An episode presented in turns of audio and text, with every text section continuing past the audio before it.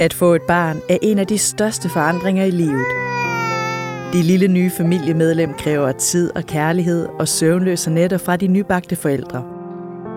Men det kræver også både nærvær, støtte og omsorg, som er nogle af nøglebegreberne, når der skal skabes en tryg tilknytning mellem det lille barn og forældrene. En tilknytning, som er afgørende for barnets liv og trivsel. Men hvorfor en tidlig tilknytning i barnets første 1000 dage så vigtig?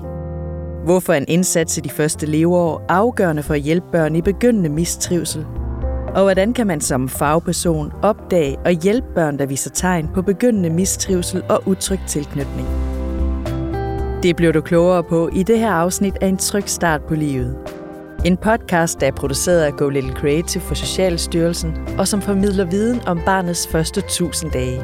Ligesom du i afsnittet her også får den nyeste forskning om tryg tilknytning i sårbare familier, samt gode råd og konkrete erfaringer fra arbejdet med den tidlige tilknytning og arbejdet med også at tilbyde hjælp og støtte til forældrene.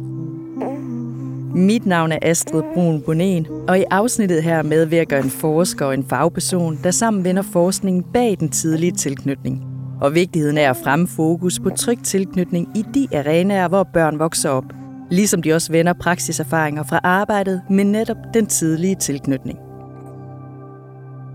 Jeg hedder Mette Skovgaard Væver. Jeg er professor i klinisk børnepsykologi ved Københavns Universitet.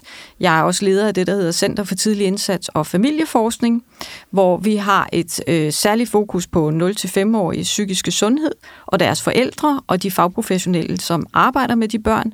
Og noget af det, vi arbejder særligt med, det er faktisk, hvordan vi fremmer tryg tilknytning i de omgivelser, hvor børnene vokser op. Det vil sige både familien som udviklingsarena, men også daginstitutionen som udviklingsarena. Jeg hedder Ellen Bunde, jeg er leder af Sundhedsplejen i Hvidovre. Jeg har været optaget af tidlig tilknytning, siden jeg i 90'erne arbejdede på børneafdelingen i Hvidovre. Og jeg har øhm, som leder i Sundhedsplejen i Hvidovre været med til at øh, implementere både screeninger omkring øh, tilknytning, men også øh, indsatser, der kan hjælpe forældrene videre i forhold til, hvordan de kan få et godt og sundt forhold til deres børn.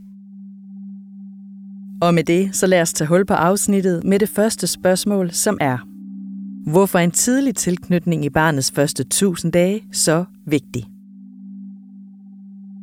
Altså vi kan sige, når vi taler om de første 1000 dage, så taler vi jo faktisk om både graviditeten og så til og med andet leveår i barnets liv. Øh, og vi ved, at de to første leveår er særlig vigtige for det lille barn, øh, fordi der er det lille barn totalt afhængig af, at der er nogen, der er større, stærkere og klogere, som faktisk passer på det lille barn og sikrer barnets overlevelse. Og lige præcis den tillid til, at der er nogen, der gør det for mig og passer på mig, det er det, vi kalder tilknytning. Øh, mange, mange studier siden Bowlby udviklede tilknytningsteorien har i dag dokumenteret, at man kan sige, kvaliteten af de her tilknytningsbånd mellem børn og forældre kan variere, men også at vi ved, at det at have en tryg tilknytning er en beskyttende faktor for et barns udvikling fremadrettet, øh, og vi ved også, at det der at have en utryg tilknytning udgør en risikofaktor, og have det, vi kalder en desorganiseret tilknytning i de første leveår, er noget af det, vi skal blive rigtig bekymret for. Fordi vi ved, at der er en risiko for, at barnet efterfølgende kan udvikle forskellige psykiske lidelser. Så tilknytning, kan man sige, handler helt basalt om, at det lille barn har en fornemmelse af, at der er nogen, der sikrer min overlevelse. Og det handler ikke kun om mad og få tøj på, når man fryser. Det handler lige præcis også om, at der er nogen, der hjælper mig med at regulere mine følelser, øh, fordi det kan de helt små børn ikke selv. Og det er måden, som børnene bliver mødt på i deres følelsesmæssige behov, som også er det, der kommer til at betyde, hvilken type af tilknytning et barn udvikler til sine forældre. Og med vigtigheden af en tidlig tryg tilknytning på plads, uddyber Mette Skovgaard Væver, hvad den trygge tilknytning har af betydning, også på længere sigt. Det vi kalder en tryg tilknytning er en beskyttende faktor, fordi det giver barnet en fornemmelse af, øh, at jeg ved, at der er nogen, som passer på mig, også når jeg har det svært, og som hjælper mig når jeg har det svært, og som hjælper mig med at klare svære situationer. Og det vil også sige, at barnet øh, allerede der får en skabelon for, hvordan er det, vi indgår i relationer sammen. Og det bliver en skabelon, som bliver ret afgørende for, hvordan barnet møder andre mennesker sidenhen, fordi det er sådan set også, øh, hvad skal man sige, nogle forventninger til, hvad gør andre, når jeg er ked af det? Øh, hvad gør jeg selv, når jeg er ked af det? Øh, og kan andre lide mig og hjælpe mig stadigvæk, når jeg er ked af det? De trygge børn har en fuldstændig fundamental tillid til, at svære følelser, det er noget, vi klarer sammen. De utrygge børn, hvis vi skal sige det lidt kort, der findes to typer, men nu differentierer vi ikke alt for meget i det, men de utrygge børn har mindre tillid til, at svære følelser er noget, som vi klarer sammen. Og en, den største gruppe af de utrygge børn vil have en tendens til at tænke, at svære følelser, det er faktisk noget, som jeg klarer selv. Så er der den sidste gruppe, som jeg lige kort vil nævne, og det er jo de børn, vi skal være allermest bekymrede for, fordi faktisk er det jo sådan, at 70-75 procent af en typisk population, som vi i Danmark kan sammenligne os med, vil være trygt tilknyttet, og det er jo dejligt. Men 25-30 procent vil have en utryg tilknytning. Her er det vigtigt at huske på, at en utryg tilknytning er en risikofaktor, men det er også vigtigt at sige, at vi ved ikke nødvendigvis, hvad der skal drysses ned i det barns liv i øvrigt, for at det udvikler sig til en i psykiske vanskeligheder. Men de børn, vi skal være rigtig bekymrede for, det udgør faktisk så stor en del som 10-15 procent, også i en typisk population. Det er dem, vi kalder de desorganiserede tilknyttede børn. Og det børn, kan man sige, som vokser op hos nogle forældre, som har store vanskeligheder selv. Det kan være psykisk sygdom, svære traumer, øh, det kan være alkohol og stofmisbrug osv. osv. Det er børn, som ikke har haft mulighed for at udvikle den tillid til, at de voksne er der og støtter mig. Det er børn, som har det erfaringsgrundlag, at når jeg er, at forældrene, som jo i virkeligheden skal udgøre den trygge base, øh, er børn, der i højere grad også kan opleve, at det er forældrene, som selv kommer til at skræmme børnene. Og det er jo de færreste forældre, der gør det med vilje, men det er klart, at når man har den oplevelse, at den, der skal passe på mig, samtidig også den, der skræmmer mig, så får vi det, der kaldes det desorganiserede tilknytningsmønster, og det er dem, vi skal være rigtig bekymrede for. Ellen Bunde, der er ledende sundhedsplejerske i Hvidovre Kommune, har selv erfaret, hvad det kan have af konsekvenser for et lille barn, der ikke har haft en tryg tilknytning i de tidlige leveår. Vi kommer ud i alle mulige familier og har gjort det i rigtig mange år, og vi har kunne i mange år jo haft en fornemmelse af, at der er noget på spil mellem mor og barn, som vi bliver bekymret for, uden at vi helt har vidst, hvad det var øh, uden at vi helt har kunne sætte fingeren på, hvad kommer det her til at betyde på lang sigt. Og så har vi også mødt familier, hvor vi har set børn, som har trukket sig fuldstændig i kontakten, og hvad det gør ved dem. Og jeg tror, at hvis man først har mødt et barn, som har trukket sig helt i kontakten, så glemmer man det aldrig. Og det er der min egen historie med tilknytning starter, fordi jeg på børneafdelingen øh, oplevede et barn, som var forladt af forældrene, og alle mulige forskellige fagpersoner i hver vores gode mening var jo ind omkring det barn, men lige præcis det med at have en kontinuerlig, ensartet tilgang til, hvordan man bliver mødt, det var der jo ikke. Og det var frygteligt at se, hvad det gjorde ved et barn. Og når man først har oplevet det en gang, så ved man, at der er noget på spil, og noget, vi skal gøre bedre.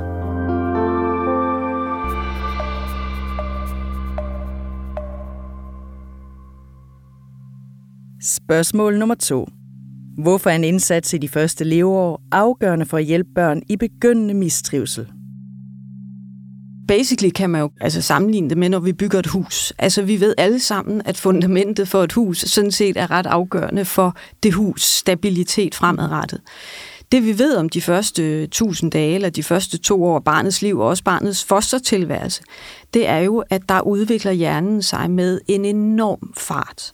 Og lige præcis det med, hvordan barnet bliver mødt i sine følelsesmæssige behov, og det niveau af stress, som barnet måtte opleve i forhold til at opleve for eksempel negative følelser, som barnet ikke bliver mødt i og hjulpet til at blive trøstet i, øh, det er der, hvor man kan sige, at at vi kan blive bekymret for den udvikling, der sker. Så de to første leveår og graviditeten er der, hvor menneskets hjerne er allermest plastisk, øh, og udvikler sig allerhurtigst overhovedet. De første år i barnets liv danner altså fundamentet for resten af livet. Og derfor er det også afgørende, at en indsats for at sikre en tryg tilknytning sker i løbet af de første 1000 dage. En utryg tilknytning kan omvendt gøre det svært for barnet senere hen at indgå i sociale relationer med andre. Ligesom de utrygt tilknyttede barn også har øget risiko for at udvikle for eksempel en depression, som Mette Skovgaard Væver her uddyber. En utryg tilknytning udgør en risikofaktor for et børns liv. Og det vi ved, men igen er det vigtigt at understrege, det er særligt de desorganiserede, vi skal være bekymrede for. Det vi ser en øget forekomst af hos børnene, når de når længere op i deres liv, det er jo for eksempel depressioner, øh, social tilbagetrækning, øh, og så er det også, når vi øh, når lidt længere op, og barnet skal indgå i nogle mere komplicerede sociale sammenhænge selv, for eksempel i daginstitutionen, så kan vi se, at børnene begynder at udvise eksternaliserende vanskeligheder, og det betyder jo, at det er de børn, som har svært ved at regulere deres aggressive følelser selv. Mm. Og det vil sige, at det kan være børn, som meget nemt ryger i konflikter med de andre børn. Og så kan vi se nogle frygtelige onde cirkler, der starter meget ja. tidligt i de her børns liv. Fordi det, der sker, når et lille barn ikke husker at spørge de voksne om hjælp, når man er ved at ryge ind i en konflikt med Emma, fordi hun har taget det, man gerne vil lege med, eller øh, det er, at man nogle gange selv tror, man kan... De børn tror jo, de selv skal klare det, og det prøver de så at gøre, men de har ikke redskaberne og regulationsstrategierne, og det vil sige, at de kan nogle gange komme til at blive voldsomt vrede, så bliver de andre børn bange for dem og begynder at trække sig i kontakten. De voksne kan mm. skælde dem ud, og vi har nogle mm. børn, som oplever rigtig meget negativ kontakt i løbet af en dag.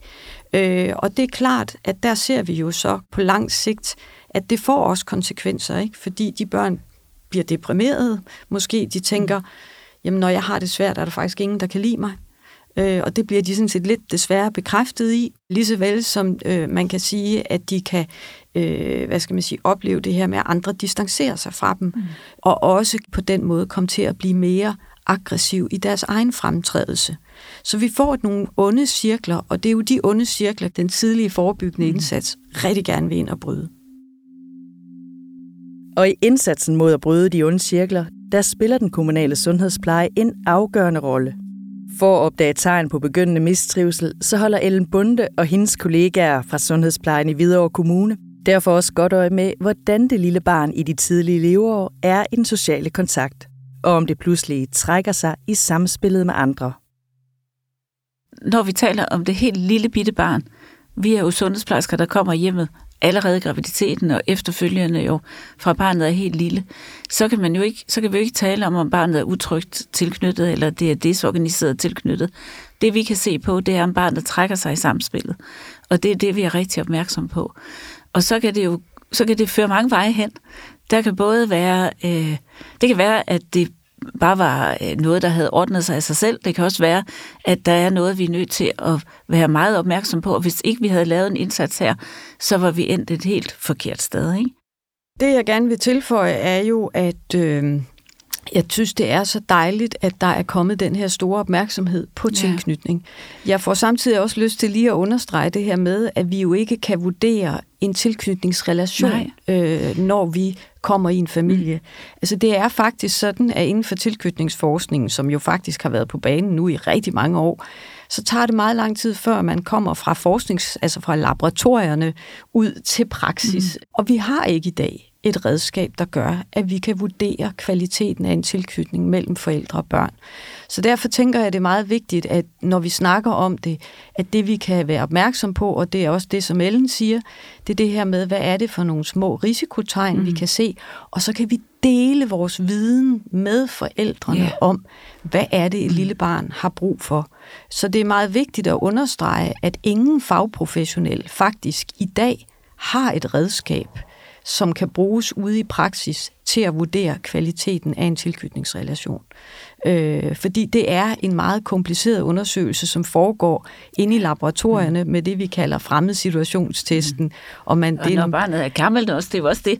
Det er, det. Altså, det er jo ikke, når barnet er to måneder, vi kan det. Nej, det er først, når barnet er et ja. år.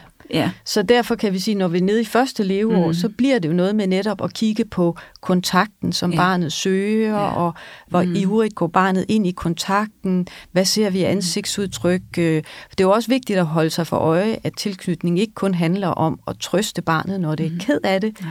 Det handler også om den her glæde ved at dele barnets udforskning af verden, mm. og have de her øjeblikke af del glæde og sjov og leg med børnene. Mm. Og det er jo det, vi Og kalder spejle de følelser, der er. Og både de positive, positive og de negative. Og de negative ikke? Ja, ja. præcis. Mm-hmm.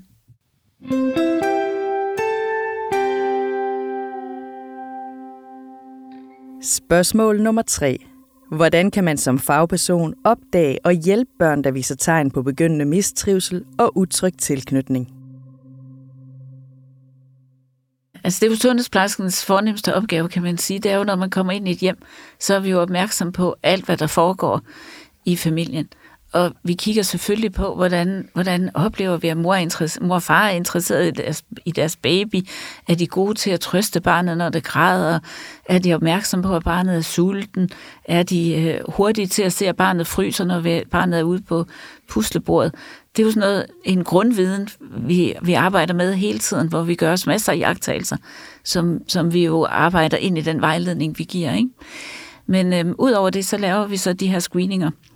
Første gang, når barnet er to måneder, for det er der, hvor man tidligst kan se, om barnet kan indgå i den her sociale relation til et andet menneske. Og det foregår øh, helt enkelt med, at sundhedsplejersken er sammen med barnet øh, på puslebordet, eller på madrassen, eller på gulvet, eller i sofaen, eller hvor det nu passer.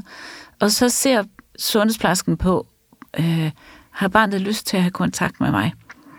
Fordi børn, de søger, hvis børn er friske, de er vågne, de har spist, så er det normalt for babyer at søge kontakt til mennesker, til andre mennesker.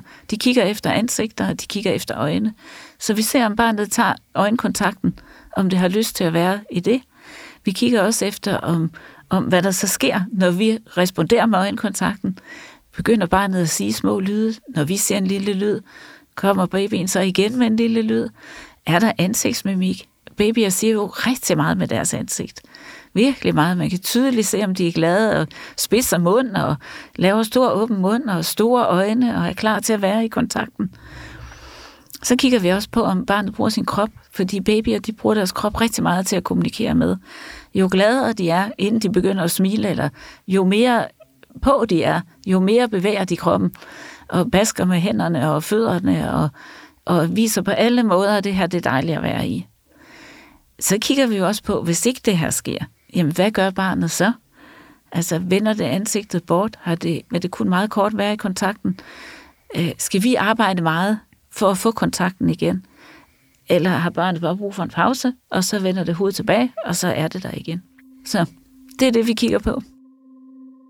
Alarm Distress Baby Scale, eller forkortet ADBB'en, er det observationsværktøj, som Ellen Bunde og hendes kollegaer bruger til vurdering af en social tilbagetrækning hos spædbørn og småbørn.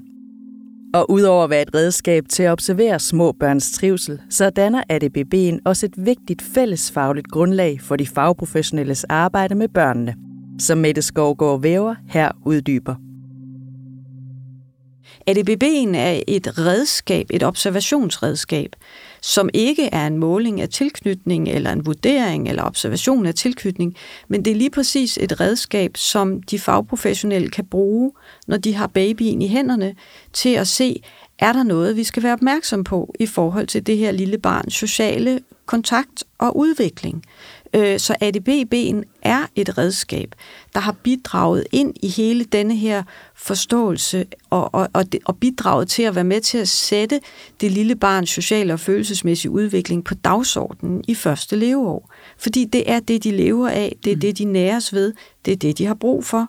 Og der er ADBB'en en systematisk måde at systematisere og standardisere sine observationer øh, og giver os et fælles grundlag at stå på. Så, så det er vigtigt at forstå, at ADBB'en er en metode.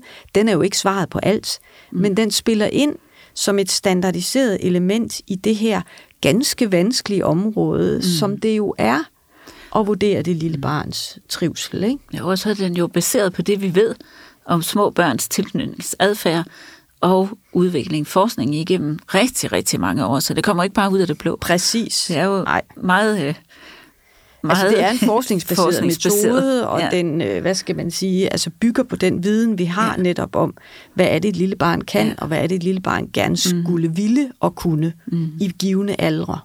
Fordi det udvikler sig jo også enormt hurtigt i løbet af mm. første leveår. Så man skal faktisk også have en viden om, mm. jamen, hvor mange ansigtsudtryk kan man egentlig forvente ved en to måneders? Hvor mange lyde kan vi forvente? Altså, så vi har sådan en grundlæggende viden om netop, jamen, hvad er det? Og på den måde også konkretisere det for forældrene, så forældrene ikke tænker, altså, hvad er det egentlig, de gør, når de snakker om det lille barns sociale og følelsesmæssige udvikling? Mm. Altså, hvad er det, de kigger efter? Her bliver det helt transparent og tydeligt mm. og konkret. Og på baggrund af blandt andet ADBB'en vurderer Ellen Bunde og hendes kollegaer i Sundhedsplejen i Hvidovre Kommune, om familierne har brug for yderligere hjælp og støtte. I den her screening, der er der forskellige øh, point, vi giver i forhold til de forskellige små dele af den her observation. Og hvis vi ser, at her er jo en enkelt eller to ting, vi bliver opmærksom på, så vejleder vi forældrene. Det er jo det første, vi gør, og det gør vi altid. Hvis vi nu ser, at der er, er flere øh, ting, vi bliver bekymret for, og sammenholder det også med det jo faglige skøn, vi har, og alt det andet, vi ser i familien, så er det, vi tænker, der skal en yderligere indsats til. Og som jeg, altså før så er det jo, vi har jo sådan en helt standardiseret metode for, hvordan vi så gør, fordi vi, vi øh, tager, beder forældrene tage en lille film, tager filmen med hjem, kigger på den igen, laver den her scoring på alle de små items, ser hvor vi er henne i forhold til det. Hvis vi stadigvæk er bekymrede, så indkalder vi vores tværfaglige team og forældrene sammen med os. Fordi det er vigtigt, at de er med. Det er jo deres barn. Det er dem, der ved, hvad der er problematik, altså hvad det er, der er på spil i familien. Ikke? Og så sætter vi os sammen med dem og ser på filmen og forklarer, hvad det er, vi kigger på, og unders- er undersøgende på, hvad er det, der er på spil at det, at vi har den her screening, og vi laver det så systematisk, som vi gør, og har hele den her handlevej for det, det gør jo, at når vi så mødes til sådan et tværfagligt møde, hvor forældrene er med, og vi sammen prøver at udfolde, hvad må der er der på spil. Et godt eksempel er en baby, som er blevet 8 måneder. Det har fungeret super fint. Lige indtil nu kommer sundhedsplejersken på besøg, så ser hun, at nu begynder barnet faktisk at trække sig i kontakten. Ikke? Og vi er igennem hele den her procedure, forældrene eller mor kommer med, og så fortæller hun så, jamen altså, hun er gået fra barnets far, og hun er meget, meget bekymret for samværet med far. Og hun er meget bange for ham, fordi han er truende, og der er en, en, en voldelig adfærd omkring det her. Så hun, og hun er nødt til at flytte hjem til hendes forældre. Og der er det meget stressende for hende at være. Og det er jo en situation, hvor hun, hvor alt det, som er rundt omkring, tager fokus fra det at være sammen med barnet. Så det at kunne hjælpe hende med at sige, jamen, vi må hjælpe dig med at komme over på boligkontoret, vi må finde ud af, om du kan få en ny bolig, vi må have fat i sagsbehandleren, de kan hjælpe dig med familieretshuset, så vi kan få lavet det her samvær rigtigt. Vi kan hjælpe med, at far kan have en god relation til sit barn, selvom det ikke skal gå gennem dig, så I ikke skal være sammen.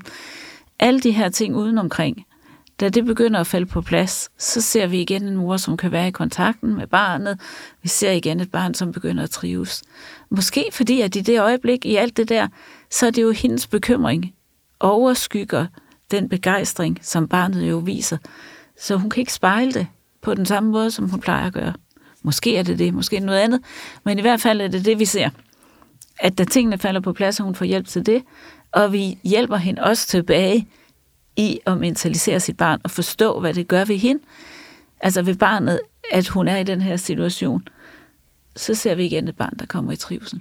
Nu, nu nævner du den her mor, der sig selv bringer på bane, at hun er bange for faren og sådan noget. Mm.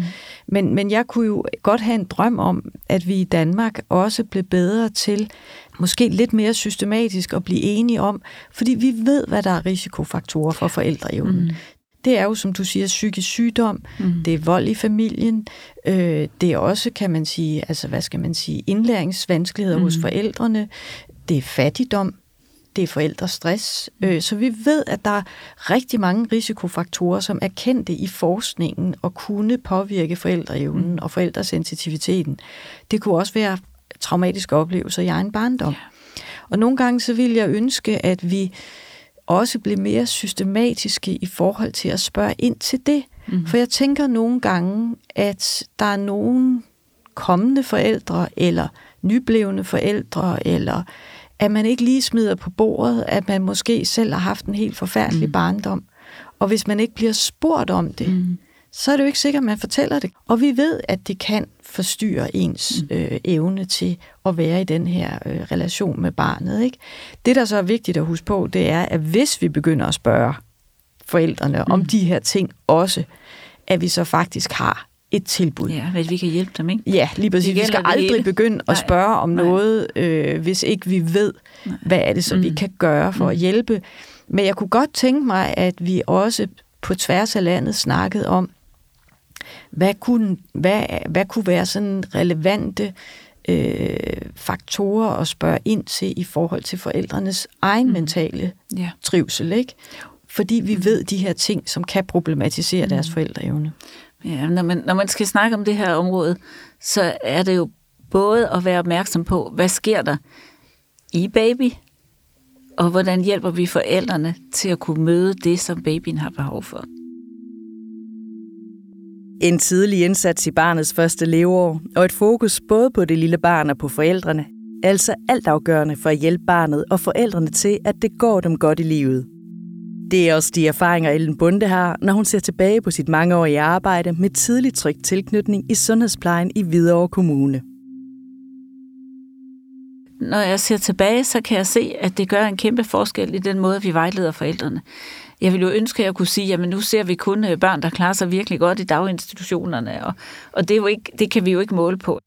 Men, men vi kan se, at vi har forældre, som forstår langt mere af, hvad det er, der sker inde i deres små babyers liv, i deres følelsesmæssige liv, i, i hvordan hjernen udvikler sig, hvordan de skal forstå deres babyer og det, de, det der sker inde i dem. Ikke? Og det tænker jeg jo er væsentligt. Så, så synes jeg også, at det vi kan sige, det er, at vi er, altså vi er blevet bedre til at sætte tidligt ind med nogle ting, som forebygger, at der kommer til at være større problemer. Ikke? Og det kan vi se. Fordi vi kan jo se, at de forældre, som vi får hjulpet af den her vej, at det går dem og børnene godt. Altså, det er jo meget, meget nemmere at hjælpe, hjælpe forældre og børn til en god udvikling, når det sker tidligt. Altså, hvis, vi først er, hvis det først er gået galt, så skal der rigtig meget arbejde til at reparere, og det er rigtig svært, og det er meget samfundstungt, kan man også sige. Ikke? Så det, at vi kan gøre det i, med små indsatser meget tidligt, betyder rigtig meget, både for problemudviklingen, for det forældrene selv vil opleve. Det er jo ikke sjovt at opleve, at man ikke slår til som forældre. Det er heller ikke sjovt at opleve, at ens barn ikke trives og har det godt. Så hvis vi kan hjælpe dem tidligt til en god trivsel og en god oplevelse af, at man også som forældre slår til, så har vi givet dem et godt fundament for den videre udvikling. Og at en tidlig indsats er vigtig for at hjælpe forældrene til en god oplevelse af at slå til, og give dem et godt fundament for en videre udvikling, det understreger Mette Skovgaard Væver. Det betyder jo alt for det barn, at man sætter ind tidligt, fordi man kan sige, som vi talte om før, så taler vi jo om, øh, at den tidlige udvikling lægger et fundament for den efterfølgende udvikling. Og det, som vi har siddet og talt om, er jo, at det handler om at få brudt nogle negative cirkler og få skabt nogle positive cirkler i de børns liv. Øh, og altså man kan sige, hvis vi skal vende tilbage til det her med, hvordan en tidlig tryg tilknytning kan være en beskyttende faktor, så ved vi jo om de trygge børn, at de øh, er nysgerrige, de elsker at lege og lære, de får nogle rigtig gode skoleforløb, de bliver gode skolekammerater, de bliver gode kærester, de bliver gode kolleger, og så bliver de, når den tid kommer, som Ellen også sagde, gode forældre selv. Mm. Så det vil sige, at man kan sige, at hvis vi skal tale om livskvalitet i et livslangt forløb, så er det jo så vigtigt, at fundamentet, der laves i de første tusind dage, bliver lavet ordentligt, øh, fordi det får så afgørende betydning for barnet fremadrettet. Så på den måde betyder det faktisk alt.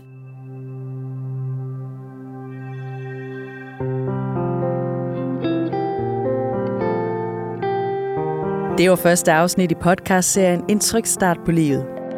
Du kan finde de tre øvrige afsnit ved at søge efter podcasten der, hvor du normalt lytter til podcasts. Ligesom du også kan finde alle afsnit på Social- og Boligstyrelsens hjemmeside.